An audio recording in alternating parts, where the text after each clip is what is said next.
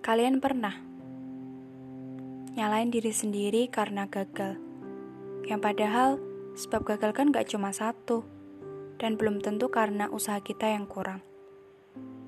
Pernah suka sama orang lain yang saking sukanya sampai gak ada ruang buat suka sama diri sendiri, gak ada ruang buat cinta sama diri sendiri. Gantungin bahagia sama orang lain yang padahal bahagia kan bukan dicari tapi diciptakan. Yang setiap orang bisa nyiptain bahagianya versi masing-masing.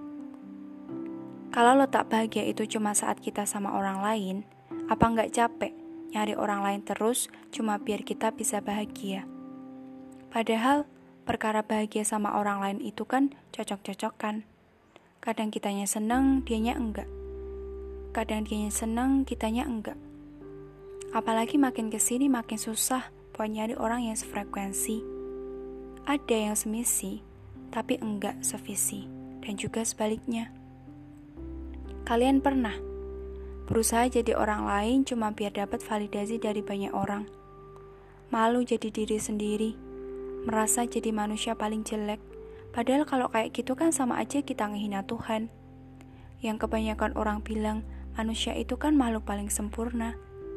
Tapi kita selalu ngerasa kurang.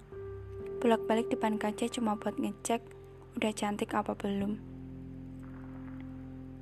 Manusia ya, sering banget ngambing hitamin diri sendiri saat satu persatu masalah datang.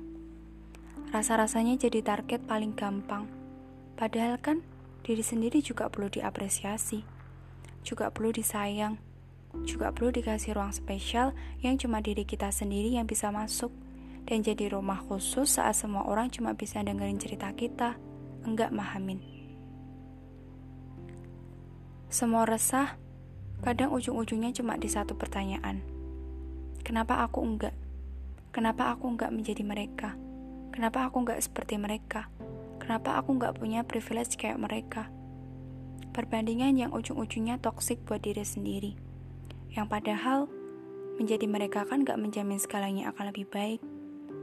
Kenapa harus susah-susah berusaha jadi orang lain saat jadi diri sendiri itu lebih gampang, lebih mudah, lebih sederhana?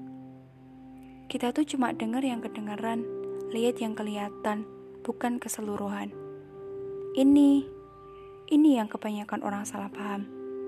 Lihat dan dengar sebagian kemudian menilai keseluruhan. Katanya, kayaknya, jadi kata-kata yang gampang banget dipercaya sama banyak orang. Padahal kita kan nggak tahu faktanya kayak apa.